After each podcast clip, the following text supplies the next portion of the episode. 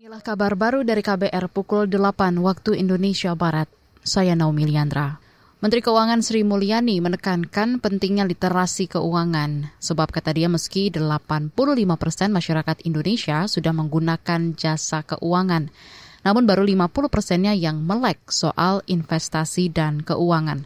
Hal tersebut kata dia menjadi pekerjaan rumah bagi pemerintah.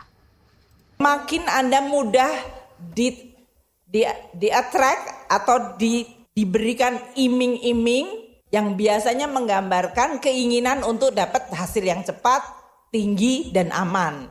Nah, ini yang perlu untuk disampaikan literasi. Karena investasi ada yang aman, ada yang tidak aman. Ada juga dari yang disebut high risk, high return. Investor pengennya high return, no risk. Kata dia, target literasi keuangan perlu dikejar supaya masyarakat tak masuk ke berbagai investasi yang merugikan akibat tidak paham terhadap aspek-aspek investasi. Kata dia, pemerintah melalui Kementerian Keuangan, Bank Indonesia, Otoritas Jasa Keuangan OJK, dan Lembaga Penjamin Simpanan LPS terus berupaya melakukan literasi keuangan. Kata dia, upaya literasi tersebut juga diupayakan menjangkau ke berbagai generasi muda.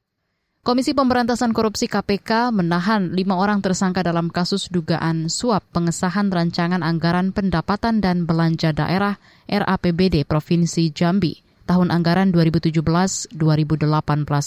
PLT Deputi Penindakan dan Eksekusi KPK, Asep Guntur Rahayu, mengatakan kelimanya merupakan bekas anggota DPRD Pemprov Jambi periode 2014-2019.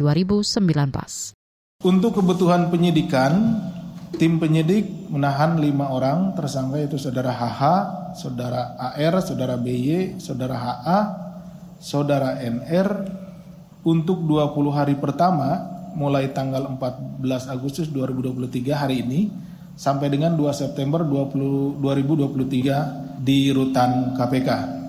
Itu tadi PLT Deputi Penindakan dan Eksekusi KPK Asep Guntur Rahayu. Sebelumnya KPK telah menetapkan 28 tersangka baru terkait kasus suap pengesahan RAPBD Jambi tahun anggaran 2017 dan 2018. Penetapan tersangka terhadap 28 mantan anggota DPRD Jambi tersebut merupakan hasil pengembangan kasus suap bekas Gubernur Jambi, Zumi Zola. Saudara, Ikatan Dokter Anak Indonesia IDAI mendorong orang tua memberikan vaksin rotavirus pada anak berusia di atas 2 bulan untuk menurunkan risiko diare pada anak.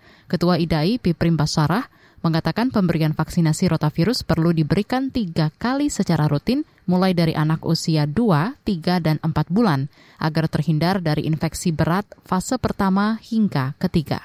Jadi begitu nanti anak itu ketularan uh, si rotavirus aslinya, dia kalaupun terkena itu infeksi keempat kelima yang ringan dan asimptomatik. Ya.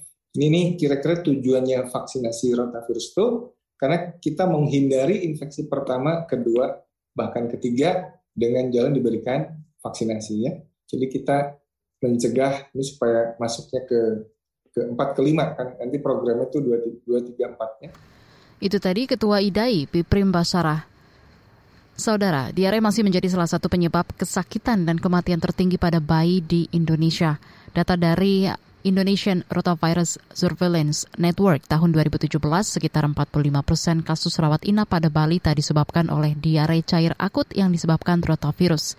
Sekitar 9,8 persen kematian bayi di bawah 12 bulan di Indonesia juga disebabkan oleh diare. Kementerian Kesehatan menggelar program lanjutan imunisasi tetes rotavirus RV secara nasional.